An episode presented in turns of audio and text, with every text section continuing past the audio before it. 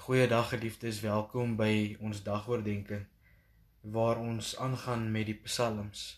Ons trek by Psalm 13 en ek hoop u sien saam met my uit met verwagting na dit wat ons gaan leer uit die woord van die Here. Ek nooi uit om saam met my stil te word in gebed. Ons Here en Hemelse Vader, ons sê vir U dankie vir hierdie dag wat ons mag geniet, wat ons ontvang het uit U hand. Here, dankie dat ons kan bewus word van die genade wat U aan ons bewys omdat U vir ons gee uit U genade, uit U oorvloed en uit U seën. Here, ook waar ons nou U woord in die hand het en uitsien om dit saam te hoor en daarna te luister, wil ek vir U vra om werk in ons met die Heilige Gees, kom gee dat ons hierdeur versterk en opgebou sal word ook in ons geestelike lewe. Here, en gee dat ons U teenwoordigheid nabyheid sal beleef en ervaar as hier in ons midde. Here kom werk in ons met die Heilige Gees. Ons vertrou U daarvoor en bid dit en vra dit in U naam alleen. Amen. Geliefdes, ek lees vir ons Psalm 13. Opskrif: Hoe lank nog, Here? Vir die koorleier, 'n Psalm van Dawid. Hoe lank gaan U my nog bly vergeet, Here? Vir altyd. Hoe lank gaan U nog van my af wegkyk? Hoe lank moet ek nog my eie planne maak en my dae met kommer deurbring. Hoe lank sal die vyand my nog oorheers? Luister tog en antwoord my, Here my God. Gee my tog nuwe lewenskrag. Ek wil nie sterwe nie. Anders sê my vyand, hy het my oorwin en juig my verdrukkers oor my ondergang. Ek hou vas aan die troue liefde oor die uitkoms wat U my gee, juig my hart. Ek wil sing tot eer van die Here omdat hy aan my goed gedoen het. Ons lees tot sover. Geliefdes, as ons so deur hierdie Psalm lees, dan is dit aangrypend om te sien in watter eenvoud hierdie Psalm ook geskryf is. Dit is 'n noodkreet uit die hart van iemand wat swaar kry en God kom soek en tot hulp kom smeek. Geliefdes, as ons kyk na vers 4 dan lyk dit asof hierdie persoon hierdie persoon wie die Psalm skryf 'n gebrek het aan lewenskrag. Hy ervaar ook dat sy vyand sy lewe soek. Sommige meen dat hierdie vyand juis die bedreiging van die dood ook inhou. Geliefdes, ons moet opnuut oplet na die erns van hierdie persoon se noodkreet gekreet en hoe dit kom beklemtoon word. En ons sien hierdie beklemtoning deur die vier keer waar die gedeelte herhaal word, hoe lank nog, Here? En hoe dit op verskillende maniere tot dit neerkom. Hy wonder hoe lank hy hom nog self oor sy lewe moet bekommer. Op sy eie moet dra en sy eie planne moet maak. Ons kan ook hierdie ehm um, wonder hoe lank nog my met sy kommer moet saamleef vertaal met die hartseer in my hart as ons letterlik daarna gaan kyk. Dis 'n diep soek 'n diep verlange na die Here se uitkoms in moeilike tye. Sy behoefte is natuurlik dat die Here nie net sal wegkyk nie maar na hom sal kyk en hom sal luister. Hom sal raak sien in hierdie moeilike omstandighede wat hom bedreig en wat hom beetpak. Ons kan ook die begin van vers 4 vertaal met kyk tog en luister na my, Here my God. Dat die Here ons sal sien. Ons sal raak sien en ons sal luister. Sy worsteling met die Here is nie net op sy omstandighede nie.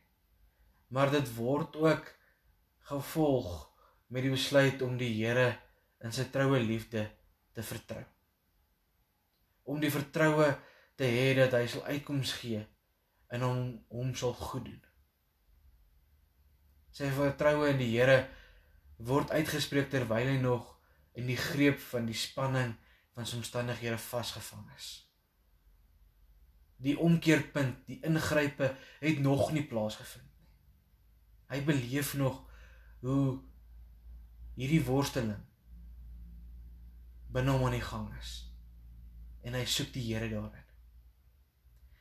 Geliefdes, dit laat dink my dan ook aan die gedeelte wat ons vind in Filippense 4 vers 4 tot 8 waar Paulus die gelowiges uitnooi om in gebed die Here te kom soek.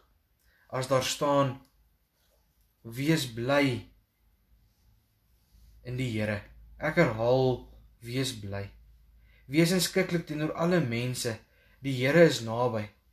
Moet oor niks besorg wees nie, maar maak in alles julle begeertes deur gebed en smeking en met danksegging aan God bekend. En die vrede van God wat alle verstand te bowe gaan, sal oor julle harte en gedagtes die wag hou in Christus Jesus. Verder broers, alles wat waar is, alles wat edel is, alles wat reg is, alles wat rein is, alles wat mooi is, alles wat prysenswaardig is, watter deeg of lofwaardige saak daar oog mag wees, daarom moet julle julle gedagtes rig. Geliefdes, dit kom sluit vir my so mooi aan by Psalm 13 oor dit waarop ons gedagtes gerig moet wees en dat ons ons blydskap, ons vrede, ons vreugde in die Here sal kom vind omdat ons weet hy is naby ons. Daarom hoef ons oor niks besorg te wees nie, maar kan ons dit wat ons bedreig, wat ons oorweldig, wat ons kom oorheers, voor die Here kom bring in gebed. Deur gebed, smeking en danksegging. En dan sal ons die vrede van God beleef in ons harte, maar ook oor ons gedagtes. En mag dit wees dat ons werklik hierdie verlange het dat die Here ons sal raak sien en ons sal luister omdat hy ons Here en ons God is. Amen. Kom ons bid saam. Here, hoe wonderlik is dit nie om op 'n manier ook by Psalm 13 aansluiting te vind nie. En hierdie noodkreet te hoor van hoe lank nog, Here? Here, ons raak baie keer so ongeduldig en half moedeloos omdat ons nie weer weet hoe lank ons nog moet vertrou, hoe lank ons nog moet geduldig wees in die wag dat U uitkoms moet gee en antwoord moet gee op ons omstandighede nie. Maar Here gee vir ons hierdie gesindheid dat ons aansal hou om te volhard in ons soeke na U. In ons gebed en ons smeek en ons danksegging want ons weet Here U troue liefde staan vas en daarop kan ons ons vertroue plaas want U is, is nie ver nie. U is naby.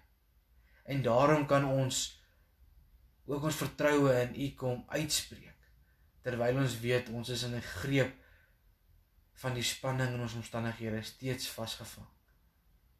Here kom gee dat ons U opnuut in ons lewe sal soek. Dat ons ons hartseer in ons hart vir U sal kom neerlê. En sal weet U sal ook daaraan gehoor gee en uitkoms gee.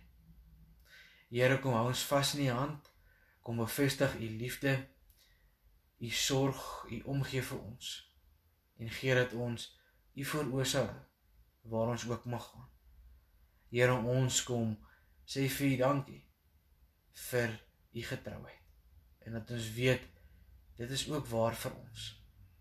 Wil u by ons wees en bly die res van die aand. Here ons kom dink ook aan die res van die week. Gaan ons vooruit Kom gee ons die krag om te volhard en voluit te lewe sodat U daardeur verheerlik mag word. Ons dankie vir alles wat ons uit U hand ontvang. Al verdien ons dit nie. Bewys U nog steeds vir ons U genade. En daarvoor sê ons vir dankie. Ons wil aan U die lof en die eer gee nou en vir altyd. Amen. Geliefdes, mag jy 'n geseënde aand beleef en ervaar. Groete vir elkeen by die huis.